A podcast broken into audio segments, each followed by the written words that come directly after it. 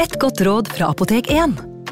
Nå er snart pollensesongen i gang, og et godt råd til deg som sliter med pollenallergi, er å begynne behandlingen i god tid før allergisesongen starter. Da får du nemlig enda bedre effekt av legemidlene, og så blir ikke våren din helt ødelagt. Kom innom og få råd på ditt nærmeste Apotek 1, eller chat med oss på apotek1.no.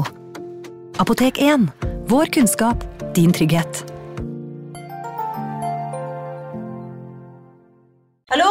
Jeg kommer fra Oslo politikammer. Ine Jansen er purk. Er du purk? The motherfucking bitch. Alt jeg vil, er å finne ut hva som skjedde med mannen min. Jon Carew. Er jeg sikta for noe? Iben Akeli. Det er du. Ole So, Lars Berrum og Big Daddy Karsten. Hvem sin side er du på, egentlig? Anette Hoff, Tone Danielsen, Kommer du fra Afrika? Jørnis Josef, Nesten kløfta. Trond Espen Seim, Det er synd å si det, men det var feil mann som døde. Purk.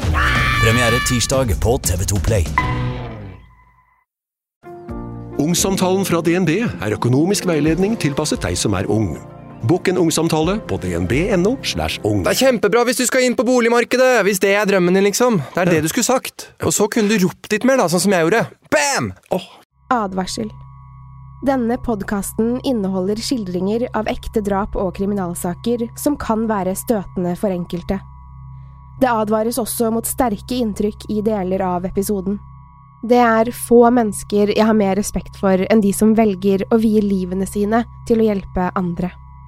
De som går på jobb hver dag for å hjelpe noen de ikke kjenner, uten å forvente så mye som et takk.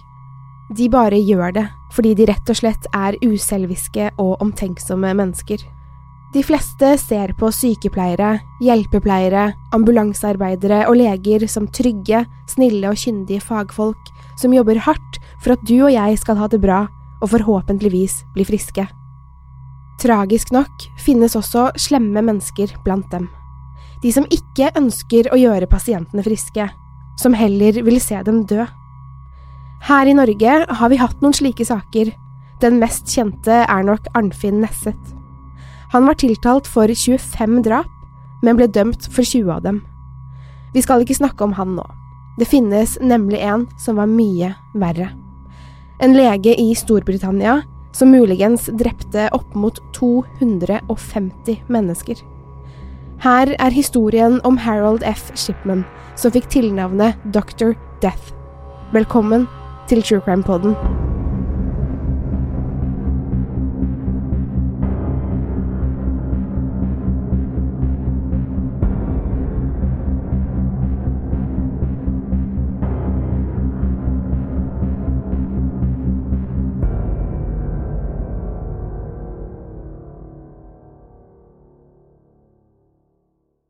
Det finnes et spesielt sted i helvete for slike mennesker som han, uttalte en pårørende for et av dr. Shipmans ofre til pressen da det ble kjent at den populære legen var arrestert. Politi, begravelsesbyråer, forsikringsselskaper og advokatkontorer hadde lenge bange anelser om legen med de snille øynene. Han hadde alltid vært godt likt, særlig av pasientene sine. En lege til å stole på, som alltid hjalp til, uansett tid på døgnet. Men hva hadde egentlig denne legen gjort? Jo, han drepte pasientene sine. Forestill deg å gå til legen, kanskje for en vanlig forkjølelse eller bare en rutinesjekk. Du legger deg ned på undersøkelsesbenken, og legen strammer gummibånd rundt armen din. Du tror han skal måle blodtrykket ditt, men i virkeligheten skal han noe helt annet. Plutselig kjenner du nålen bryte gjennom huden din. Den sviende følelsen er over på et sekund. Så kommer den sprengende smerten når noe injiseres i deg. Rommet begynner å snurre, som om du ligger i en karusell. En varm, behagelig følelse av ro brer seg i kroppen din. Øyelokkene blir tunge og pusten svakere. Legen din ser ned på deg mens han legger to fingre ved halspulsåren din. Han kjenner etter, ser kanskje på klokken. Til slutt klarer du ikke å holde øynene åpne lenger, og de glir forsiktig igjen. Pulsen din blir svakere og svakere, og til slutt stopper den. Dette er dessverre hva som skjedde med mange av dr. Shippens pasienter. Noen døde på legekontoret hans, andre hjemme i sin egen seng eller stol. Noen døde på operasjonsbordet. Uansett når eller hvordan dødsfallet utartet seg, var alltid Shipman involvert. Det var alltid hans navn på dødsattesten. Før jeg forteller mer om drapene, må vi tilbake til begynnelsen. Til barndommen og oppveksten.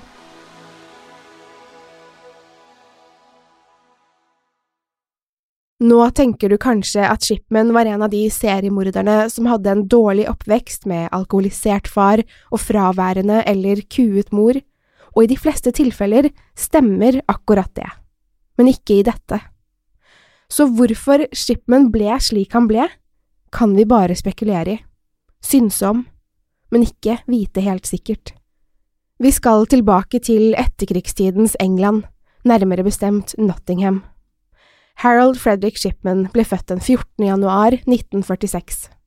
Han var sønn av to arbeiderklasseforeldre. Faren het også Harold Frederick og moren Vera. Han kom fra et kjærlig og kristent hjem. Foreldrene hans var metodister, strenge riktignok, og Harold hadde tre søsken. Familielivet var ganske så normalt. Han hadde mange venner, gjorde det bra på skolen og var god i sport, særlig rugby og distanseløping. I tenårene var Harolds mor mye syk. Hun fikk den grusomme diagnosen kreft, og slet lenge med smerter. I 1963, da det etter hvert ble klart at behandlingen moren hans fikk ikke hjalp, og at kreften spredte seg, fikk Vera komme hjem. Hun ville være sammen med familien sin den siste tiden. Vera, Harolds mamma, fikk kun palliativ, altså lindrende behandling hjemme. Harold og søsknene gjorde så godt de kunne for å støtte moren. De plukket blomster til henne, forsøkte å mate henne og hjalp henne med medisineringen. Særlig sistnevnte var Harold mest delaktig i. Han ønsket ikke at moren skulle kjenne noen smerter, og passet på henne. Da Harold var 17 år, døde dessverre Vera av kreften. Den 21. juni 1963. Han så henne dø.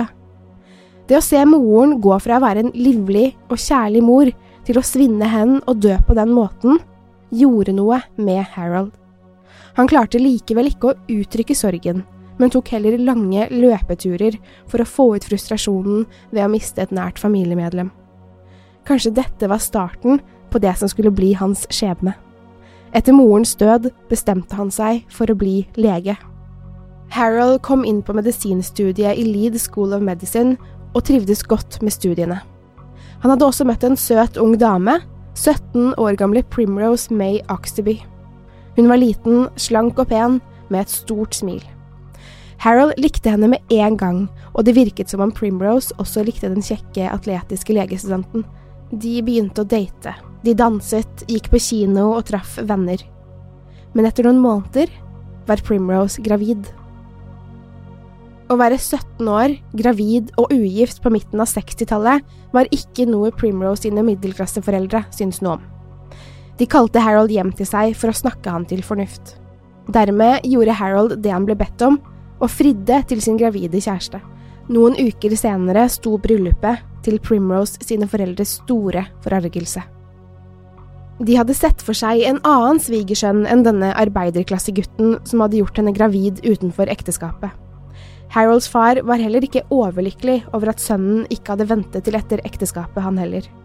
Men den 5. november 1966 giftet de seg, med familie og noen få venner til stede. Heldigvis var i alle fall brudeparet lykkelige. Deres førstefødte sønn kom til verden noen måneder senere. Den lille familien var lykkelige, og Harold gjorde seg ferdig med legestudiene, mens Primrose stelte hjemme.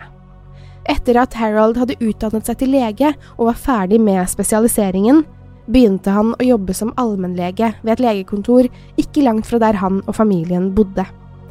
Harold og Primrose hadde rukket å få fire barn, så stresset med å gjøre det bra på jobben, samt å være til stede i barnas liv, ble etter hvert litt voldsomt for Harold.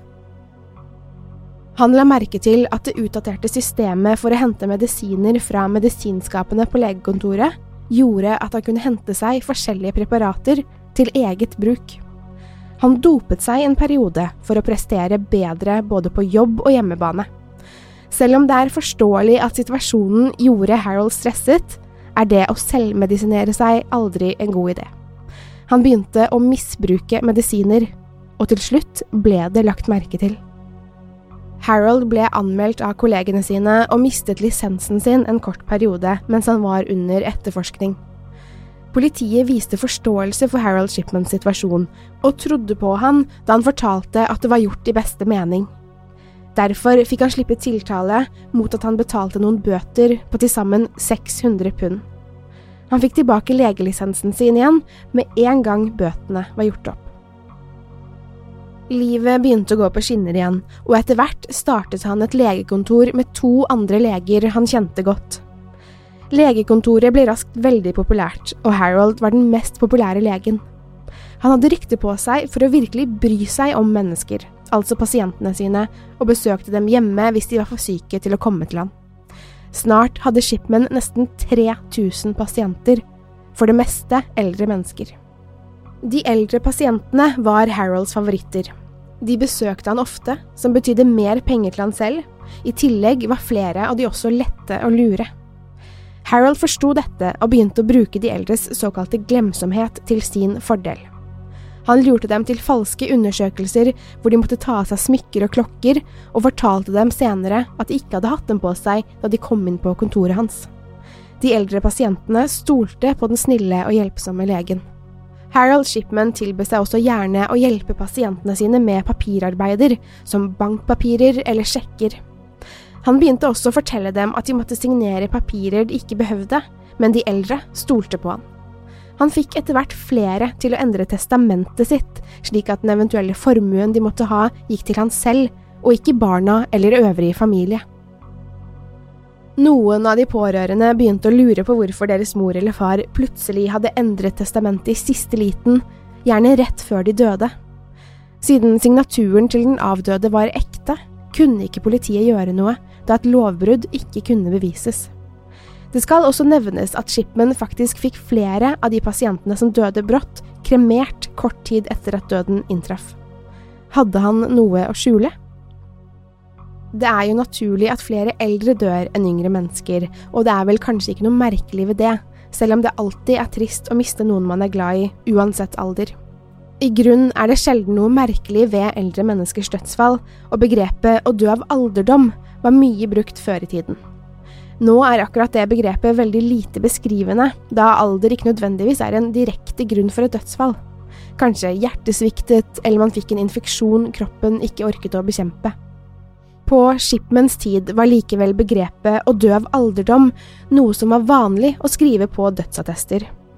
Så sant det stemte, da. Og siden den avdøde pasienten var gammel og kanskje sykelig, ble ingen spørsmål stilt. Ikke i starten, i alle fall. Det var nok på grunn av dette han likte de eldre pasientene sine best. De hadde størst grunn til å besøke han ofte, og han tjente penger på dødsfallene deres. Flere av Shipmans pasienter døde, og det ble nesten en vits på kontoret at Shipman var en dårlig lege siden han mistet så mange pasienter. En rettsmedisiner fattet mistanke etter hvert, da han mente at han fikk et uvanlig antall dødsfall signert av ingen ringere enn dr. Harold F. Shipman. Samtlige var beskrevet som døde av nettopp alderdom. De fleste av pasientene hans var gamle, syke mennesker, så det kunne i prinsippet stemme. Men antallet var det som skremte han. Rettsmedisineren tenkte lenge på å gjøre noe med saken, men var redd for å ødelegge en populær leges gode navn og rykte. Det var ikke bare denne rettsmedisineren som hadde reagert på det høye antallet dødsfall hos Shipmans pasienter.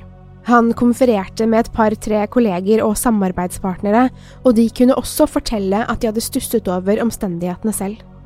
Kunne legen faktisk ha hatt noe med pasientenes død å gjøre? Derfor bestemte rettsmedisineren, en lege og en begravelsesagent for å se nærmere på saken. De forsto ganske raskt at noe var galt. En taxisjåfør som kjørte eldre til legekontoret, hadde også begynt å reagere på at mange av kundene hans døde, enten hjemme eller på Dr. Shipmans kontor. Han hadde lagt merke til at de kom tilbake fra legebesøk uten smykkene sine, og hadde bekymret tatt opp dette med kona, som også begynte å synes situasjonen var merkelig. Etter å ha diskutert saken seg imellom, bestemte de seg for å la det ligge. En så respektert og godt likt lege ville de ikke ødelegge for. De hadde nok bare misforstått. Selv om pasientene til Shipman døde som fluer, og han selv arvet penger og smykker fra pasientene, var han fortsatt en av de mest populære legene i området. Han hadde nådd maksgrensen på 3500 pasienter, og livet smilte. Til han, riktignok, ikke pasientene. Shipman hadde lenge tenkt på å starte sin egen legepraksis. Ikke på grunn av ambisjoner om å få bedriften til å vokse, eller å hjelpe flere mennesker.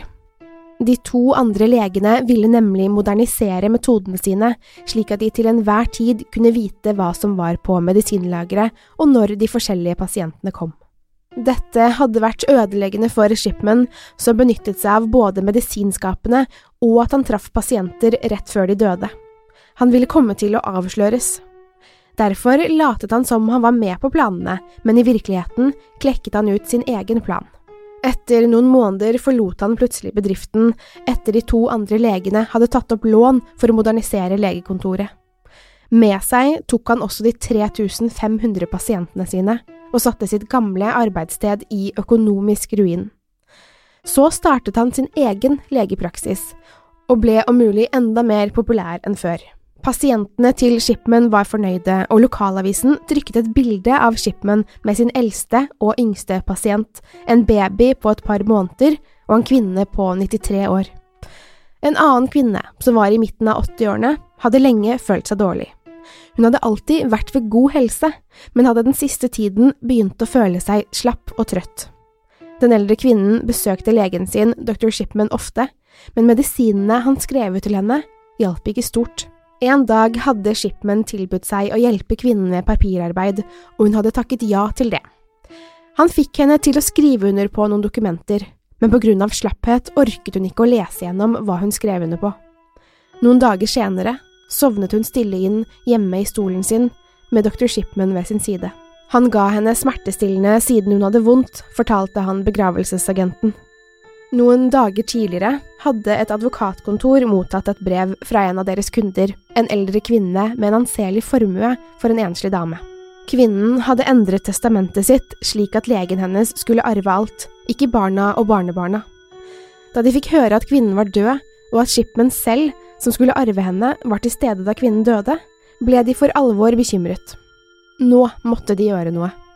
I 1998 gikk rettsmedisineren, begravelsesbyrået, flere leger, representanter for et advokatbyrå og forsikringsselskap, i tillegg til taxisjåføren, til politiet med mistankene sine. Nå var det nok. Politiet syntes hele saken virket både interessant og mystisk, og bestemte seg for å etterforske legen i det skjulte. Mange visste om etterforskningen, og jo mer politiet gravde, jo flere mistenkelige dødsfall fantes det. Shipman var direkte linket til et stort antall dødsfall. Shipman fikk faktisk nyss om at han ble etterforsket, men i sin arroganse trodde han at han aldri skulle bli tatt. Mens etterforskningen pågikk, drepte han, så vidt man vet, tre pasienter, muligens flere, som dessverre ikke kunne bevises. Den 7. september 1998 ble Harold Shipman arrestert, mistenkt for mord. Mange mord. Over 100.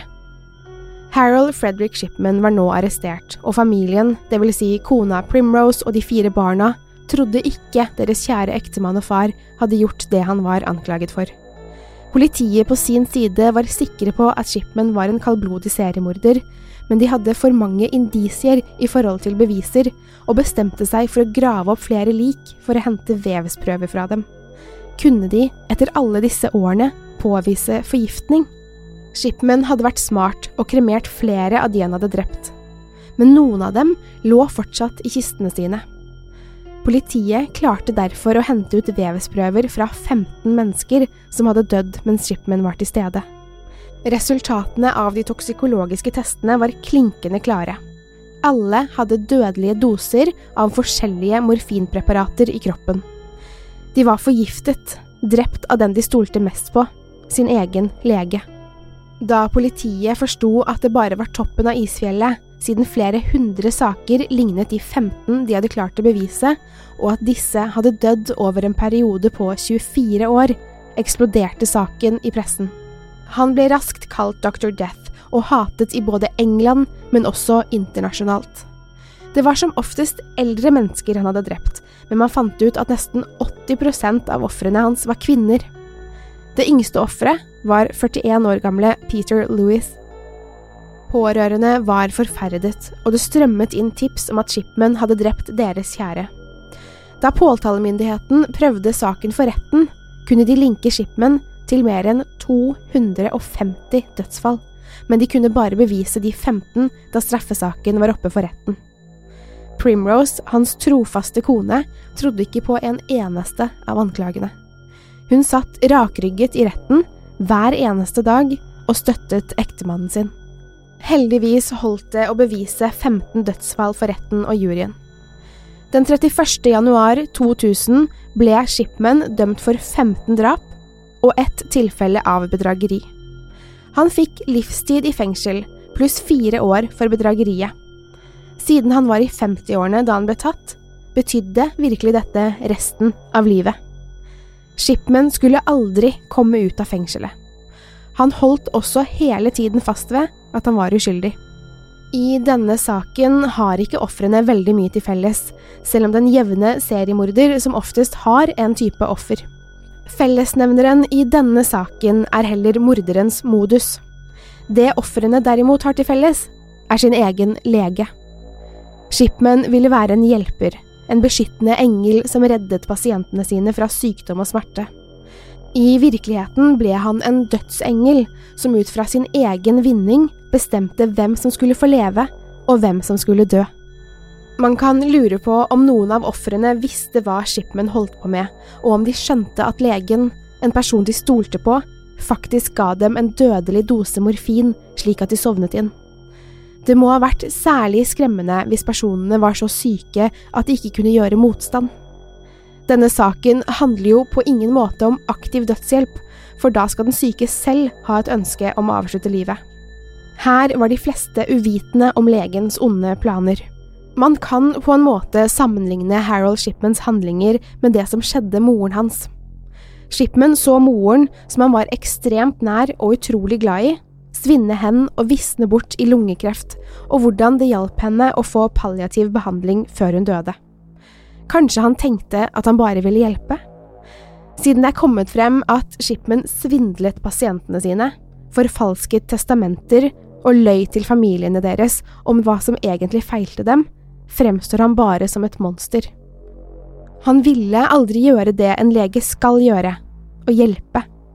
Den 13. januar 2004, dagen før sin 58-årsdag, satt Shipman på cellen sin og bandt sammen to laken. Han visste hvordan han skulle gjøre det for ikke kjenne så mye.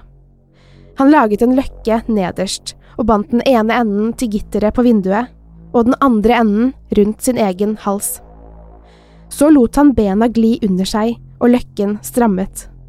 Etter noen sekunder, om han gjorde det riktig, var han bevisstløs. Klokken ti over åtte samme kveld ble han erklært død. Shipman visste at kona Primrose ikke ville få utbetalt pensjonen hans hvis han levde etter fylte 60 år. Så en av grunnene til at han avsluttet livet sitt på det tidspunktet var så kona skulle få penger. Shipmans dødsfall kom som et sjokk på mange, særlig de pårørende til ofrene. Noen var glade for at han hang seg, andre synes det var en lett utvei og kritiserte fengselsvesenet for å ikke ha passet godt nok på han. De fleste var lei seg for at han aldri tilsto eller tok ansvar for det han gjorde.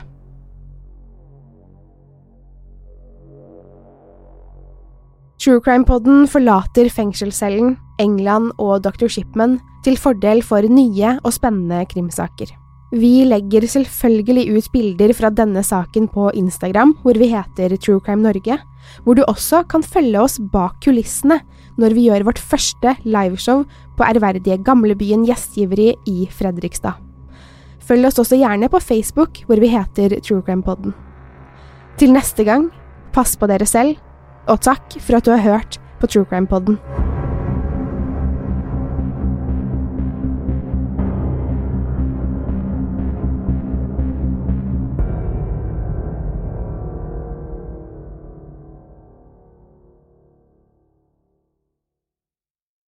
Har du et enkeltpersonforetak eller en liten bedrift? Da er du sikkert lei av å høre meg snakke om hvor enkelt det er med kvitteringer og bilag i fiken, så vi eh, gir oss her, vi. Fordi vi liker enkelt. Fiken superenkelt regnskap. Hei! Takk for at du lytter til True Crime Podden. Skulle du ønske at du kunne høre en ny episode av denne podkasten hver eneste uke? Vel, da er det bare å laste ned podkastappen Untold med en gang. I tillegg til ukentlige episoder av podkaster som Skrekkpodden, Synderne og Henrettelsespodden, får du masse annet reklamefritt og eksklusivt innhold. Last ned Untold i AppStore eller Google Play, og start din 30 dagers prøveperiode i dag.